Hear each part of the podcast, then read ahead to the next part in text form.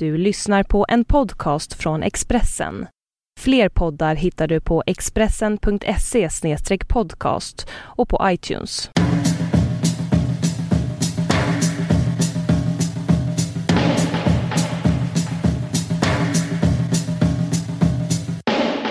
Nej men eh, det är om det kanske. Glad påsk! Hej, det här är en Vargsaxen-podd med Liv Strömquist och eh, Caroline Ringskog Ferrada-Noli. Hur är läget? Det är bra tack, hur mår du? Jo, det är bra. Härligt.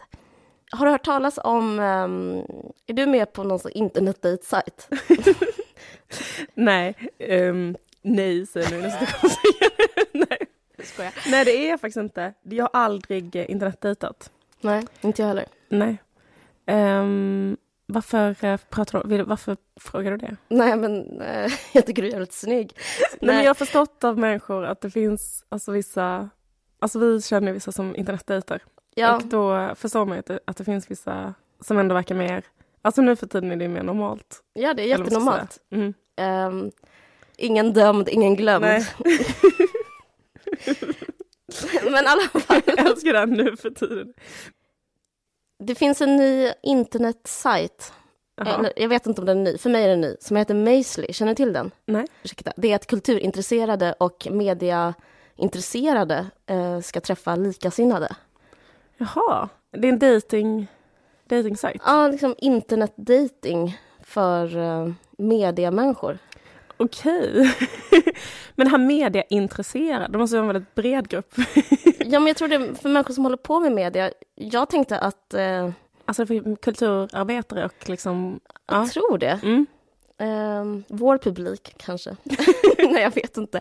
Men det registrerat dig? Jag skulle aldrig våga. Men eh, jag, jag skulle tycka det var jättepinsamt att eh, vara med på en internetdate-sajt. Liksom. Men, men sen så kommer jag att tänka på en annan sak. Att eh, liksom, ja, men folk som håller på med media och kulturintresserade, eller är det kulturarbetare, att de, eh, det är det mest horiga yrket som finns.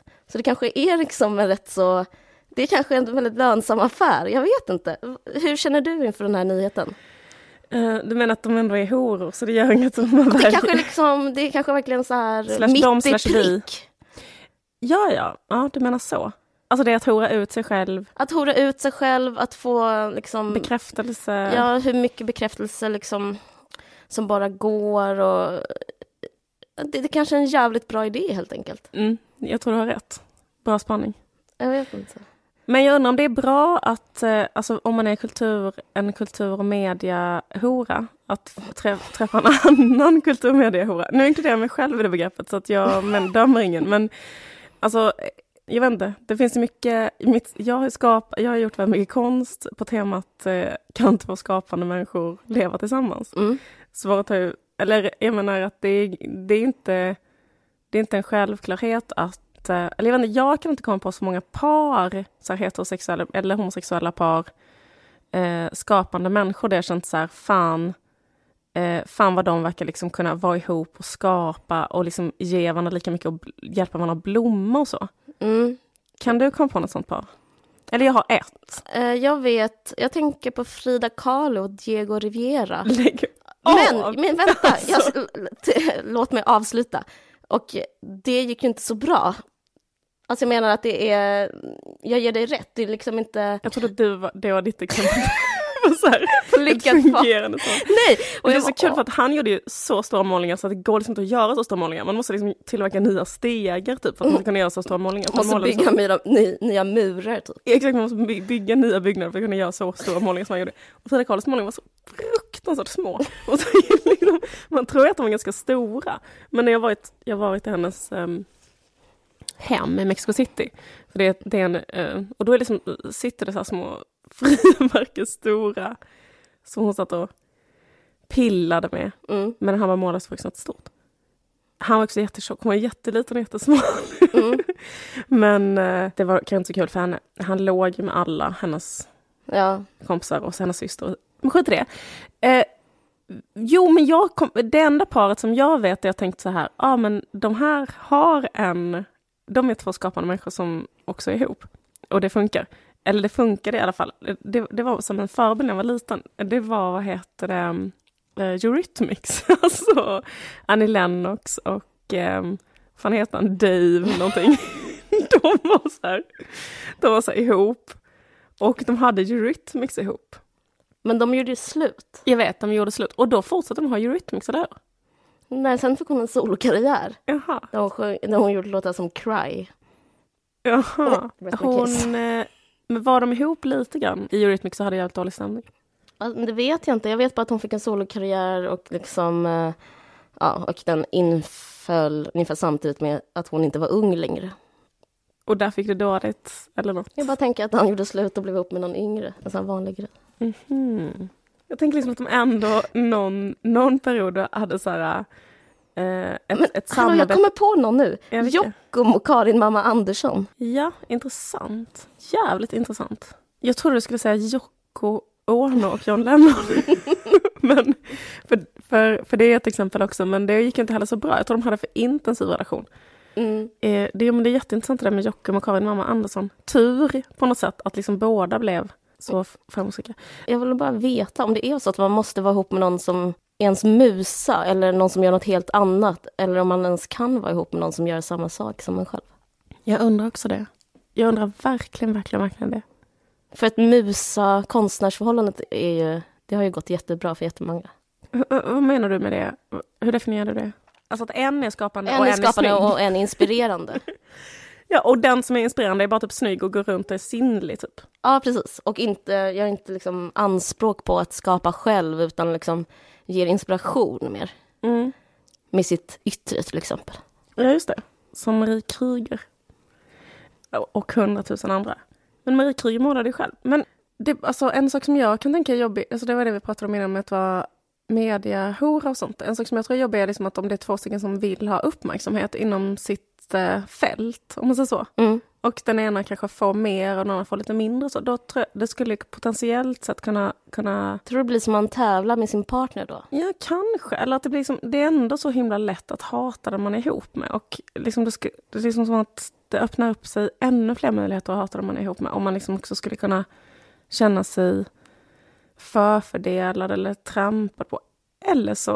Eller så är det tvärtom, så att man liksom börjar även beundra den man är ihop med istället för att hata den, som man gör när man är ihop på ett vanligt sätt. Ja.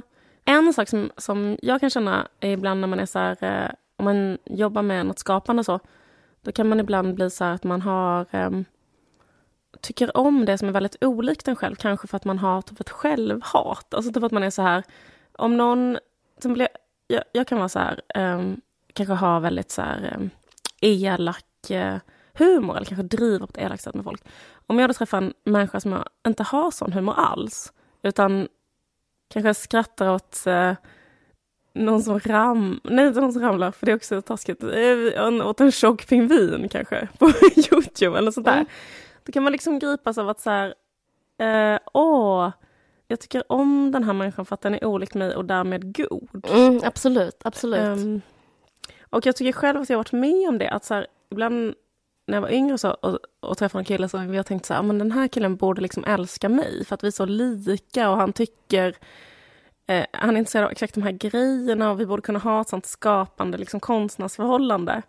Då har det jätteofta varit så att eh, han har liksom velat så här, vara ihop med kanske någon som är mycket mer alltså, anti-intellektuell till exempel. Kanske någon kvinna som bara är så här jättenära jorden och kanske kan sjunga så här jätte, jättevackert utan, Mm. utan noter eller alltså någon som, liksom, någon som är hans, mot, hans motpol. Mm. Han vill liksom inte vara ihop med någon som kanske är lik honom och sitter och gaggar på samma sätt. Nej. Utan, eh, alltså det har jag varit med om otaliga gånger. Alltså Men kan inte det- otaliga gånger men Men kan ändå. inte det bero på att alla vill vara ihop med någon som eh, liksom är sinnlig? Att det är liksom statusegenskaper, att det inte är så hög status att vara så här gagga jättemycket, inte vara intresserad av matlagning, eh, inte vara bra på att städa. Eh, liksom om jag skulle beskriva om jag skulle vara ihop med, skulle jag vilja kanske vara ihop med någon som var jättebra på att laga mat, mer än som pratade, hade en massa punchlines. Liksom. Mm. Det är väl liksom hottare objektivt. ja. Har inte du ändå, ja okej, ja så kanske det är. S- Säg, har inte jag vadå? Men jag menar, har, har, har inte du i alla fall i något skede tänkt så här bara när du var ung och intresserad av litteratur, bara åh en kille som också är intresserad av litteratur, fattar du? Det första du letade efter var väl inte någon sån kock? jag menar nu säger du att du liksom...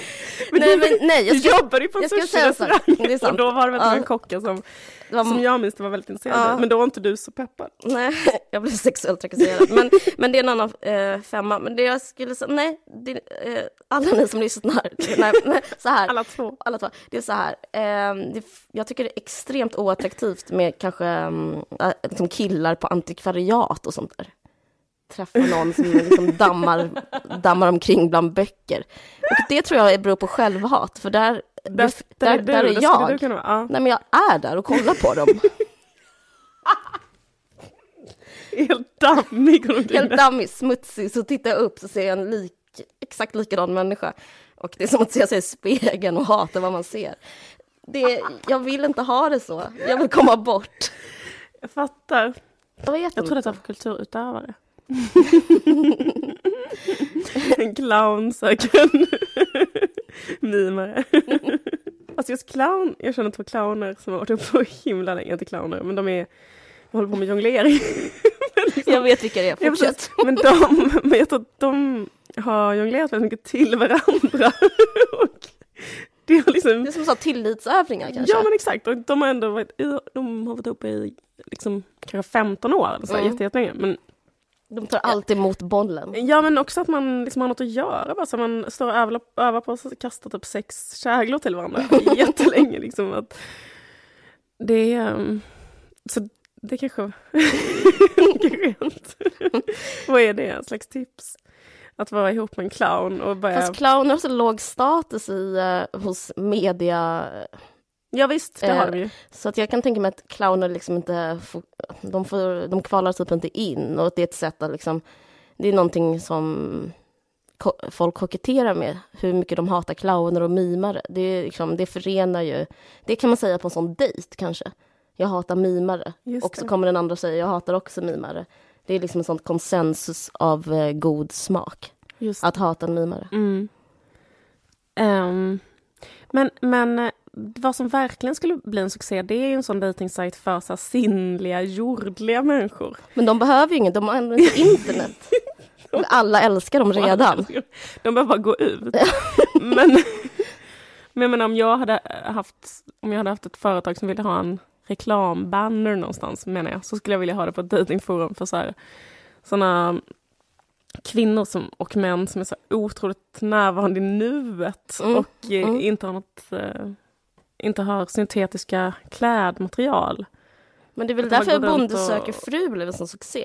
men de är inte, de kvalar inte, det är inte såna jag Okej, pratar om. Men jag tycker det är deppigt, för det, är det som det landar på, det är typ att man vill ha riktiga män och riktiga kvinnor. Ja, så är det. Och då är man typ körd själv, det är det jag menar.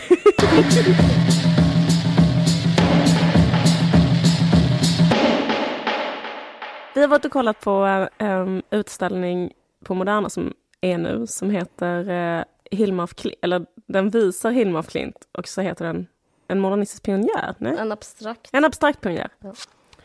Hilma af Klint. Och eh, hon... Eh, de har, det är första gången de visar hennes eh, grejer. För hon har liksom... Hon, hon föddes i mitten av 1800-talet.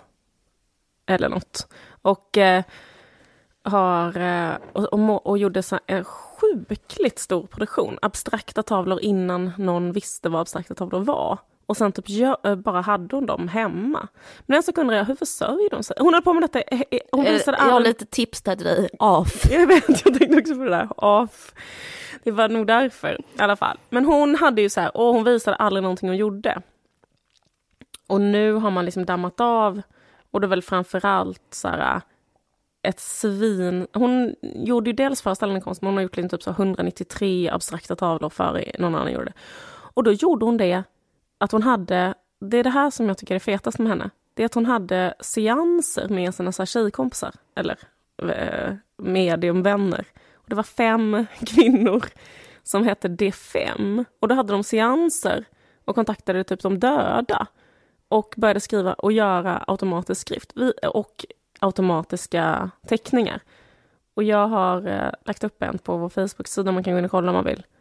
Och liksom har man kritik mot hur de ser ut, då får man kritisera Kosmos, för det är liksom inte Hilma som har kommit på de här motiven, utan det är de döda.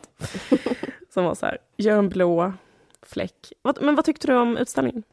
Um, jag tyckte den... Um, det var väldigt mycket ägg. Det var mycket, det var mycket äggstockar och uh, jag, jag, det är påsk snart. Jag fick en väldigt så här äggig stämning. Det var, ja, jag började tänka väldigt mycket på påsken.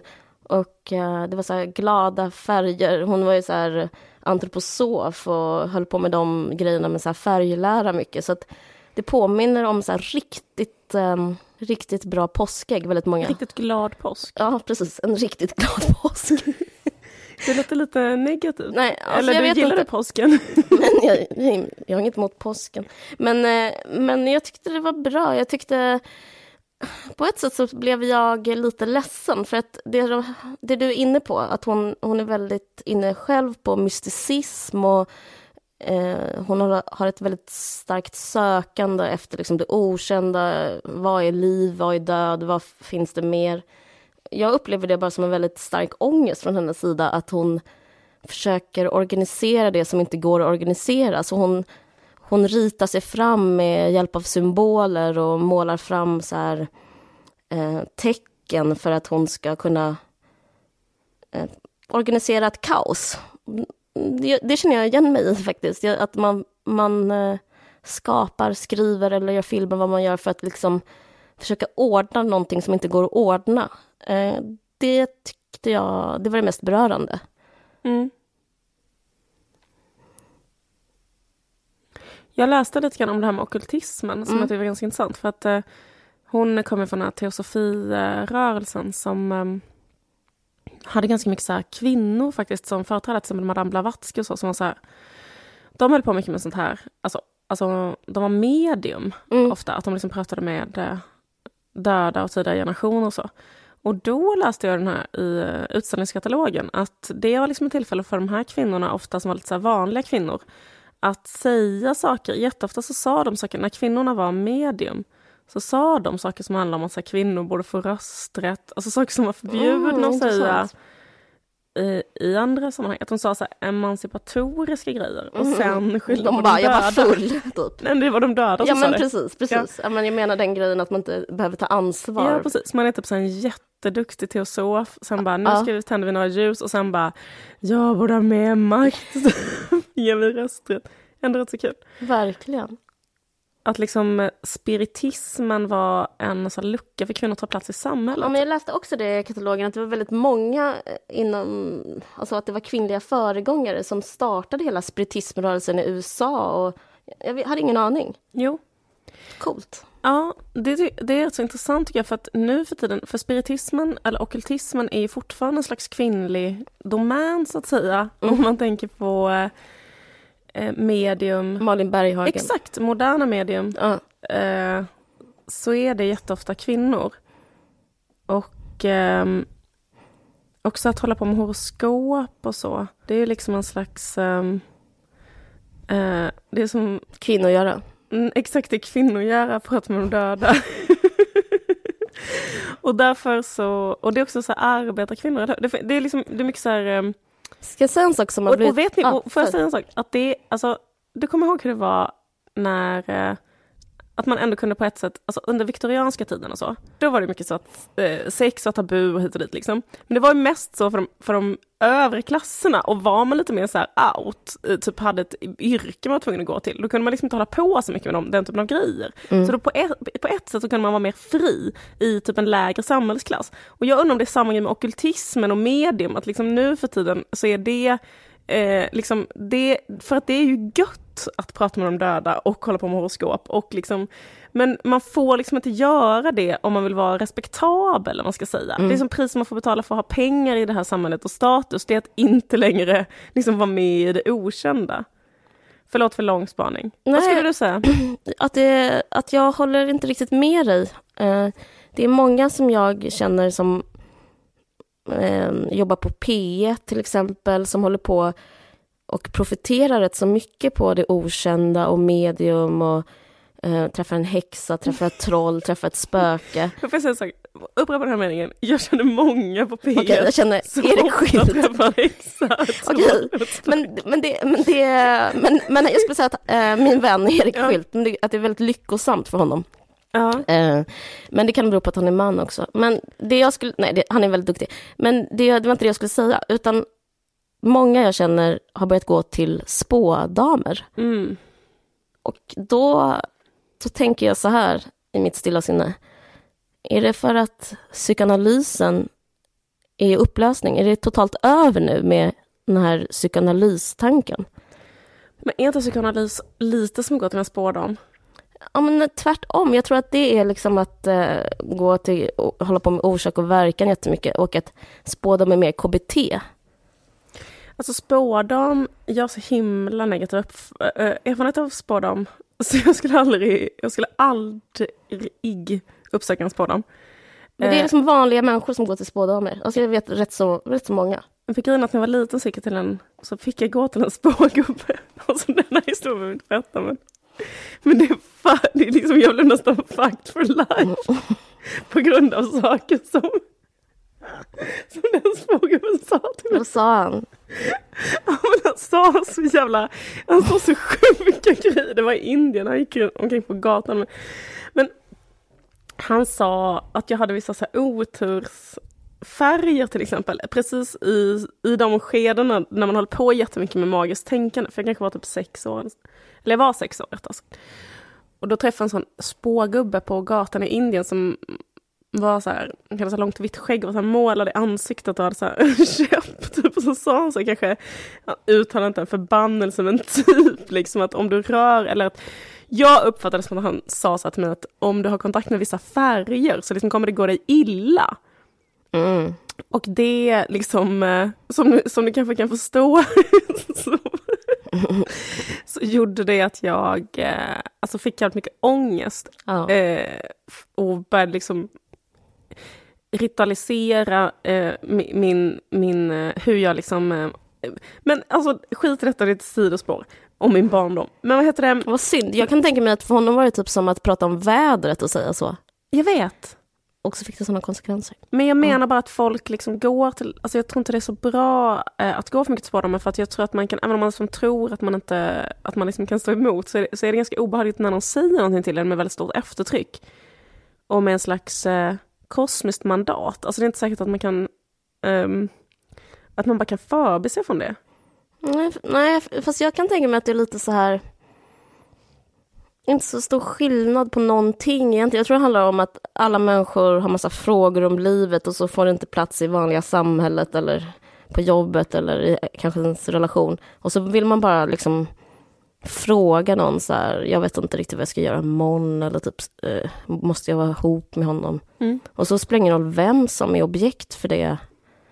Så kan en spådom kanske säga samma sak som en, jag vet inte, en massör som säger samma sak som en psykolog. Så som säger samma då- sak som en vän. typ. Men jag tycker inte, jag, så jag, jag liksom tror att det finns skillnad i, i liksom kvalitet på de råden. Då, då tänker jag liksom att det är Alltså jag känner Kerstin Myttilens spårdam i Lorensborg.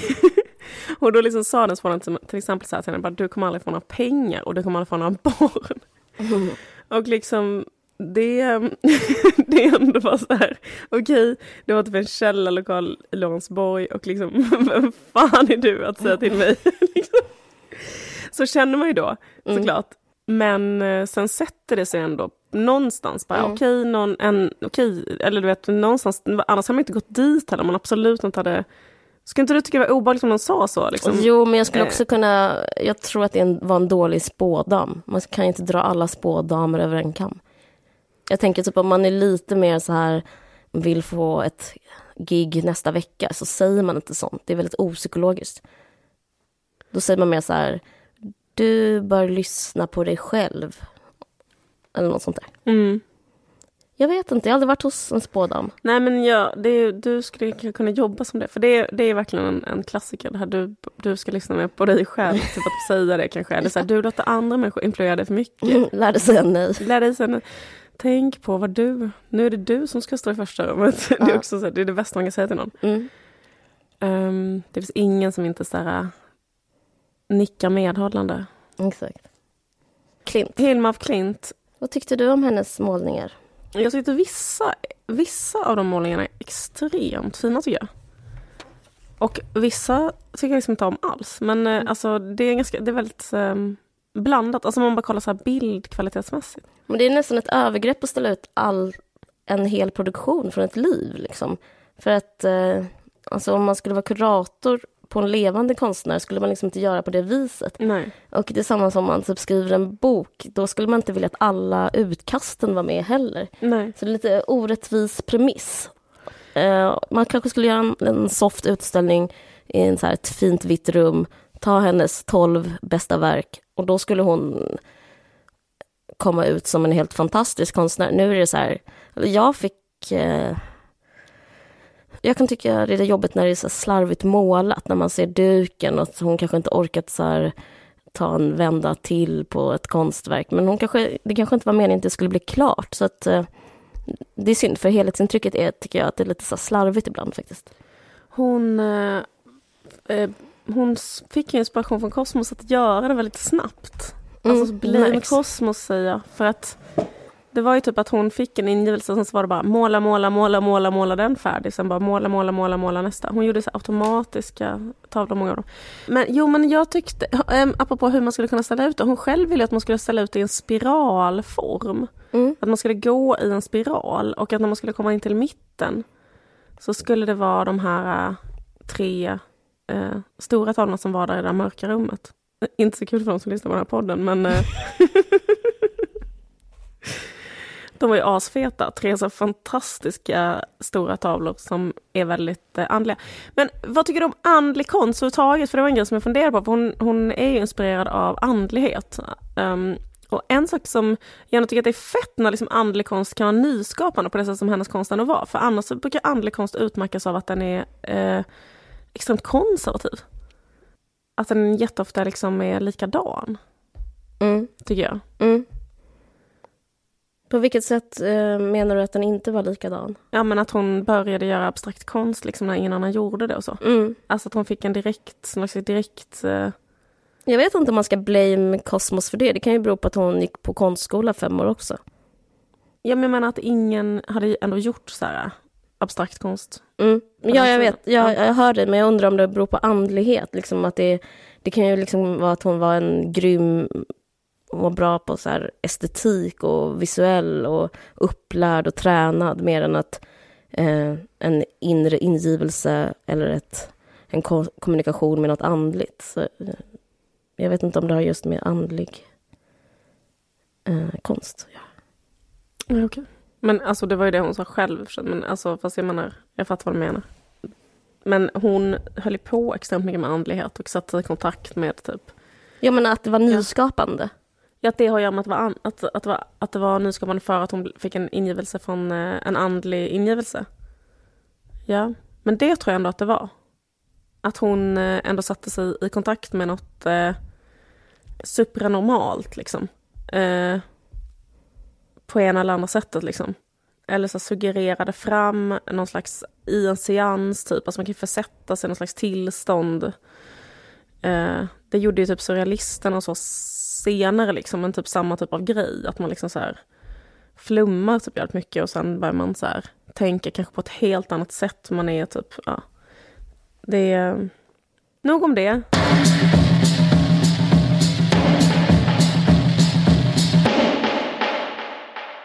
Tobias Billström Mm. Tyvärr. har också suttit i en grupp och bara suggererat fram något helt sjukt. Ehm, nej men han har varit ehm, på tapeten. Kan inte du läsa upp vad det är han har sagt? Eh, ja, han, har inte sagt, han har sagt rätt mycket olika saker. Eh, den här DN-intervjun av Niklas Orrenius Mm. säger han följande. Alla har ju alla har hört det här nu, men nu säger det till. Det börjar så här. Om du skulle sitta, om det skulle sitta en person som gömmer papperslösa här i soffan, vad är ditt bästa argument för att få honom eller henne att sluta? Då säger han så här, jag tror inte vi har så mycket att säga till varandra. Jag har inga effektiva argument i en situation där människor väldigt ofta har den här självbilden. Citationstecken. Jag är god, jag gör gott. Sen säger han det som alla har hört. Ibland... Att man tror... Alltså, läs det också. Jag tar det här också. Um, ibland har vi bilden att personen som är gömd bor hos en trevlig blond svensk dam i 50-60-årsåldern som vill hjälpa till. Men det är ju inte så. De allra flesta bor hos sina landsmän som inte alls är blonda och blåögda. Just det. Åh, oh, en bild på honom också. Han är så otroligt blond. Han är typ kanske den blondaste, den blondaste av alla, alla människor som finns. Han är väldigt genomskinlig nästan. Mm. Ja, vad, hur tänk, vad får du för tankar? Um, nej, men jag tänker på det här ganska intressant när du pratar om det här med att uh, gömma flyktingar och mm. så. För mm. att jag har ju själv gjort det ganska mycket. Jag, mm. Eller liksom... Man, eh, ska man säger då inte att man själv gömmer en flykting utan man säger så här att de gömmer sig och man själv kanske då bistår på något sätt. Det är inte att man själv bara gömmer någon som inte själv är agent i sitt eget liv. Men skitsamma. Um, det första argumentet emot är ju blå ögon. Ja, precis. Exakt. Uh, uh, uh, vad ska jag säga om det egentligen? Alltså det är ganska, jag vet inte, det är, det är en ganska intressant erfarenhet och, och um, bistå människor som gömmer sig. Mm, jag minns det. Mm, du var ju med väldigt mycket, men du var ju inte aktiv själv. Att gömma dina egna landsmän, chilenarna. Nej, precis. Så det är fel i just vårt fall. Ja, just i vårt fall stämmer inte det här alls. Nej, men jag, jag var med en, eh, vad ska man säga, en göm hangaround. Ja. Eh, det kunde vara att jag kanske träffades med några gömda på Möllevångstorget, utbytte lite ord och eh, transporterade någon, några kläder till några andra mm. gömda. Men du och våra andra kompisar mm. brukar bistå med mm. uppehåll, uppehälle. Mm, precis. Det är så bisarrt liksom när man är, umgås mycket med så här, äh, människor som lever under jorden och så. Då, för att man får så här, så barockt, så här, oproportionerligt stor, äh, stort inflytande över människors liv. Mm. Man får kanske typ 100 procent äh, nästan maktöverläge. Om det är någon som, är, som uppehåller sig utan papper i Sverige och som inte har någon annan kontakt då och söker sig till en sån asylförening, liksom, vilket de här människorna då hade gjort. Då har de liksom, många av dem då som, som vi hjälpte, de hade, då hade de som inget jobb, ingen bostad, ingen mat, ingen... Och så kanske de är, har, har barn också, och barnfamilj och så vidare. Och det är så himla bisarrt den grejen att man, att man som så här jävligt ung typ ska hålla på då liksom ge, ge till exempel de där barnen olika slags eh, barndomsminnen. Alltså allting är helt, det är, så, mm. är väldigt, väldigt konstig situation. Och det blir så bisarrt. Jag kommer ihåg så här, vissa, till exempel vi hade en lägenhet där, brukade, där folk brukade kunna bo då, som var en, en kille som jag känner då. Och hans pappa hade så här, um, hans jag minns. var konstnär. ja, det minns jag. Och han jobbade skitmycket då med så här, det kvinnliga könsorganet, den här pappan. Ja, det var tyvärr inte så, så abstrakt. Nej, det var inte så abstrakt utan det var så enormt stora så här, tredimensionella, alltså jag, som jag minns det så var det så papier-maché-fittor då som kanske var... Jag skulle faktiskt kalla det expressionistisk konst. Alltså det var, det var jättemycket så här, starka färger mm. och typ så här. Exakt, och sen var det så här, också, kommer ihåg att det här, en, på en var liksom en stor groda som satt så här, på liksom en blygd läpp.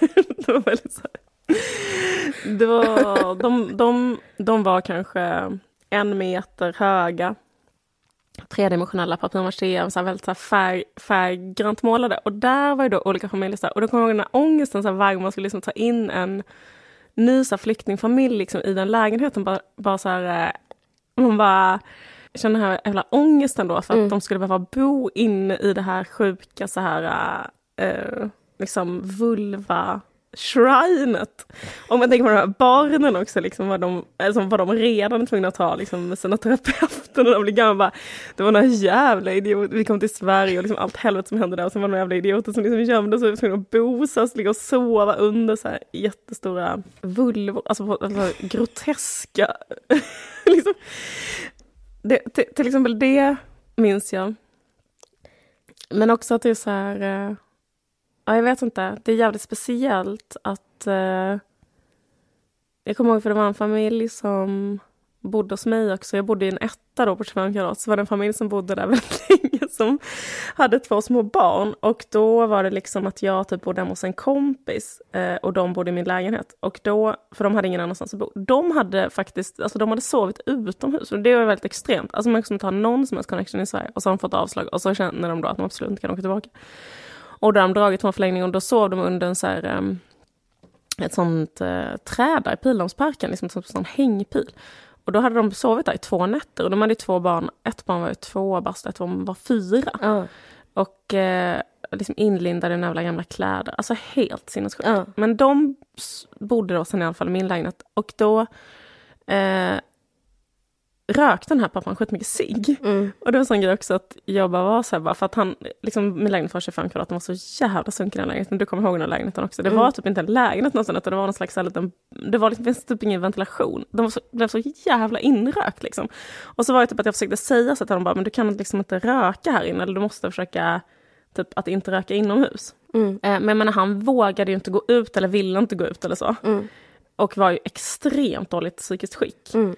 Och då och sen är det också så himla konstigt då att ska jag kräva då som att han ska sluta röka? Jag menar jag själv, alltså hur, Du rökte? Jag rökte typ själv, jag vet inte om jag rökte just då men liksom men bara, så här, man, när man själv försöker sluta Nej, röka. det är en vidrig så, situation, eh, att- ja, men det är en och då ska man säga så här, ska du kan du sluta? Och då kommer jag att han började röka bara inne på min toalett. Så han rökte, och rökte så jävla mycket inne på min toalett. Så Mm. att jag liksom, eh, men skit i det. Jag undrar varför inte jag gömde. Ja. Kanske inte lika god som mig. Du kanske inte upplever dig själv att du gör gott. Nej, jag skojar bara. Jag, jag, jag, jag, Jag tror för att jag bodde med min pojkvän. Eller jag vet inte. Jag kanske kände mig lite som att jag var gömd själv. ja. Jag hade ingenstans att bo. Liksom. Nej, men en grej så här är ju att man, om man, alltså det, är väldigt, det kan vara väldigt tungt att, eh, att vara, för att jag var aktiv då i några år i en sån asylgrupp och då hade jag kontakt med jävligt många människor. Men ehm, på olika sätt bodde de hemma hos mig eller liksom sådär. Men en sak sen, för sen det, det som är jobbigt när man håller på med det, det är att det finns så jävla mycket, att folk har så enormt allvarliga problem och så Mm. fruktansvärt mycket ångest. Mm. Typ så att man kan tänka sig att det är lite jobbigt så här. Alltså det är som att, att, ehm, att det blir, alltså det är väldigt liksom tungt. Sen, sen är det också jätte liksom rewarding, alltså verkligen så här eh, typ att man, eh, vad ska man säga, det blir så konstigt att prata i termer av få och ge, men alltså man får ju väldigt mycket därför att man, man liksom lär sig om- alltså allting. Men Jo, Men fast det jag är tycker, väldigt jag tycker det, är, det är ett problem ändå. Det är liksom att eh, det här grejen att de inte får em, om man är papperslös att man inte får psykiatrisk vård och liksom psykologvård. Ja, alltså, exakt. Och sen att man liksom, liksom- umgås med folk som hela tiden gör så väldigt grova grejer. Som jag hade kontakt med en familj där var en kvinna som gjorde så här häng, alltså försökte hänga sig själv. ja, till exempel. Och ehm, då ehm, att det är så mycket brutalitet eh, och att de blir utsatta för så fruktansvärt sjuk behandling i Sverige. Så Mm. många är ju inte direkt traumatiserade. Alltså, många blir ju traumatiserade, i alla fall återtraumatiserade liksom, när de kommer till Sverige. För Mm. de blir utsatta för så himla sjuka grejer i Sverige Mm. av liksom, det, den asylprocessen. Så att, eh, men då, när jag höll på som mest, då var det liksom också, det var den här kampanjen, amnesti, det var en sån amnestikampanj som gav ganska många uppehållstillstånd i slutändan. Mm. Så många av de fallen då som jag hade kontakt med, de fick uppehållstillstånd. Till exempel den här familjen som vi pratade om innan, de som bodde i min lägenhet, de fick samma uppehållstillstånd. I och med att det var liksom en slags kampanj där det blev pyttelite lättare en Mm. gång bara. mm, Eh, för de har aldrig fått annars. Liksom. Men, och, då, och då kände jag så att ah, men nu liksom tar inte jag på mig dem i alla fall. För då hade jag hållit på med det några år. Och, och då kände jag, just den här grejen att man, för annars kan det vara fall som man kan ha kontakt med hur länge som helst för de kommer aldrig få uppehållstillstånd. Liksom. mm, Men jag vet inte, det är intressant den här grejen så här, om man är god eller om man är...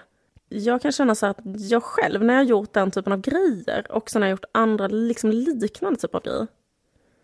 Det här har varit när jag liksom själv har typ mått så väldigt dåligt. Det, var- alltså det, alltså att jag själv till exempel då när jag höll på väldigt mycket med det, då var jag så fruktansvärt eh, heartbroken. mm. Så att jag typ bara led så Även jävla våra andra kompisar som, eh, jag ska inte utlämna namn, men de mådde liksom också Ja. riktigt kass psykiskt. Ja. Men, eh, men höll på med det här i 180 liksom. Det är liksom ett sätt att vara nära jättestark smärta. Nu, det här kanske låter helt sjukt, men det är som att man är, eftersom man ändå är intunad på sån sjuk jävla Weltschmerz, Mm. när hela tillvaron känns fruktansvärd. Mm. Då kan det vara liksom att man att man kanske har lättare, eller man, man lättare att vara, man har lättare att vara i sammanhang där allting annat också är helt fruktansvärt. Och så har man något att göra liksom.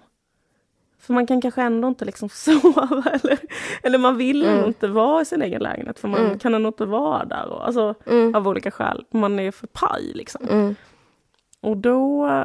Och sen känner man sig... Alltså det hjälpte, fast det måste jag säga att det ändå hjälpte då.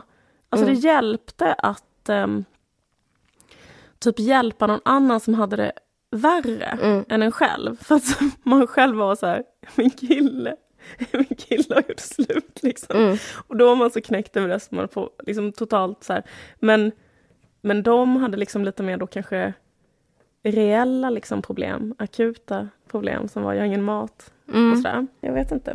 Men jag, jag vet att jag också i andra sammanhang har gjort så eller så här, alltså jag, jag, jag, tror inte jag skulle reagera så faktiskt. Nej, jag, det, kan, det, kan vara, det kanske är ett tips. Nej, men nej. Det, det beror på vem du är och vem ja. jag är. Jag kommer liksom från en jag, jag, får så himla mycket ångest av invandrare och flyktingar för att jag kom, för min pappa är en politisk flykting mm. och eh, varit med om eh, liksom ja, men, eh, blivit torterad och typ sådana saker. Så att för mig är det, jag liksom slås ut av det på något sätt. Kanske att jag är en starkare människa idag än, det här var typ 2006, jag vet inte.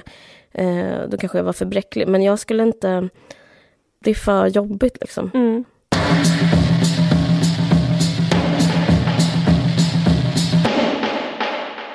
Har du läst eh, Jonas Hassan Khemiris text? Mm. Ja. Jag tycker det är intressant med den texten att den fick så otroligt stor genomslagskraft. Mm. Um, och jag har undrat, tänkt lite på vad det beror på och sådär. Mm. Um, vad är din tanke? Um,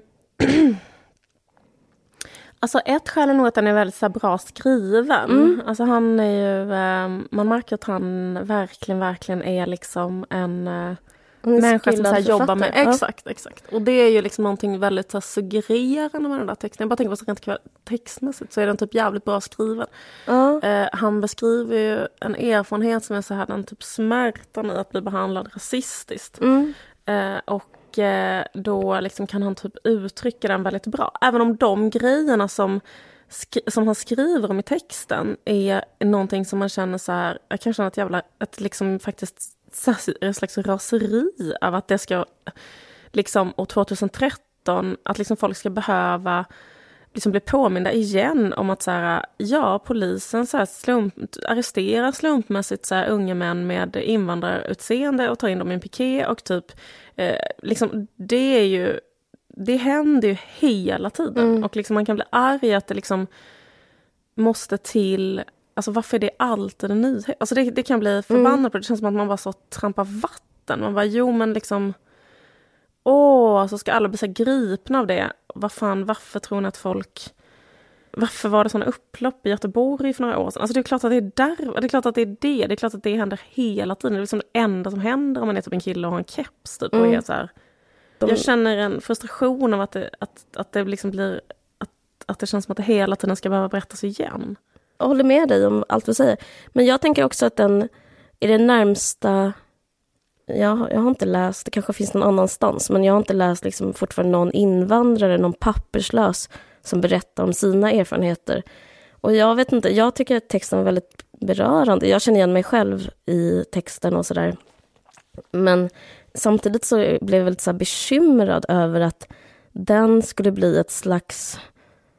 Att det är den texten som är den texten som säger någonting för första gången om att det här är, så här kan vi inte ha det. Liksom. Jag, jag, jag, tycker det, jag tycker det, och jag tycker det är därför, alltså det intressanta med den är att det fortfarande inte är en person som är ett offer, som är en papperslös eller typ någon med rasistiska erfarenheter, utan det är en son vars eh, föräldrar är han kommer från ett annat land och så har han en morsa som är från Sverige. Sen så läste jag Laven Motadis text. Det är liksom, hon, hennes, hon, hon är också, hennes föräldrar är några politiska flyktingar. Och, men de får inte göra sin röst hörd. Och jag känner att typ, ja, men jag skulle kunna skriva en sån text. För att jag har samma erfarenhet, jag är andra generationens invandrare. Men det bekymrar mig att eh, liksom första generationens invandrare fortfarande inte hörs. Och jag tycker liksom, jag blir lite illa berörd av DN och hur stämningen är kring den här texten, att den är så jävla bra. Att eh, DN liksom unnar sig själv att så här klappa sig på axeln och säga så här, men vi är så här antirasister, vi har den här texten. Men de är liksom, de har skapat det här klimatet, att, det, att den här texten kommer nu. Om, om de liksom skulle haft en regelbunden ja, regel, liksom, att folk som inte är svenska, som inte är andra generations invandrare ens en gång, att de skulle få skriva, de skulle kunna få så här, verka intellektuellt, debattera, då skulle liksom inte vi behöva ha en sån text som Jonas Hassan Khemiris.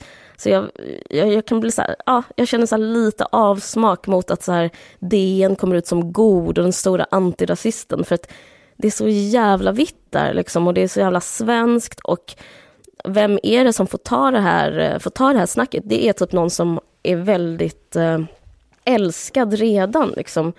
Ja, men det, det är ju liksom någonting som har varit så här... Det funnits en extrem självgodhet mm. i det här med att det har varit så hög klickabilitet eh, ja. på den här texten. Oh, fan. Och det undrar man ju, eller just verkligen den här grejen bara, var, var är era andra skribenter eh, ah. med utländsk härkomst som berättar från ett annat, för det här är ändå en extremt etablerad då, författare som har gått på Handelshögskolan och så vidare, ah. men det är en skitbra text, jag säger ingenting om det, absolut Nej, inte. Men, han är underbar. Ja, liksom, men, men, det... men, grejen är att det, det, blir liksom konstigt när alltså knappnåls, eller vad heter det, nålsögat är så jävla litet ah. för någon att överhuvudtaget komma in, så då är det typ så här, ja han har typ svart hår och, det, och liksom, då är det okej, men liksom alla andra Ja, men jag, Alla andra så här, han, han liksom tillhör verkligen så här en, en extremt etablerad grupp i samhället naturligtvis. Då, un, då undrar man ju varför det aldrig får höras en röst från någon som uh, inte är eller som till exempel, ja men som du säger, första generationens invandrare. Ja, eller lite lika perfekt, någon som ja. är lite så här, ja men typ okej tänkare mm. liksom, mm. som de flesta journalister är. Det är inte som att eh, alla svenska journalister håller jättehög standard, men sen så, Jonas Askemiri håller ju väldigt hög standard, men det är som höga, måste vara mycket bättre. Ja, han, det är som höga krav på att liksom någon som bara är aningen lite brun ska få uttala sig. Alltså, jag snackade med min pappa om den här texten faktiskt, för jag började tänka på honom, det handlar ju om hans pappa. Det här är liksom inget sätt eh, för att så här, jag ska söka jobb och min pappas vägnar, men eh, han, han tyckte också den var bra, men han började prata om sina egna erfarenheter och jag känner så här, men det borde liksom fler människor dels finns det fler som honom. Liksom, men, Berätta om hans ja, men typ, Han berättade när han kom till Sverige blev han väldigt eh, illa behandlad och han hade en eh, professur i filosofi som svenska staten eh, tog ifrån honom, eh, så här, rätt och slätt. Och eh, han fick inte jobb någonstans, han blev misstänkliggjord.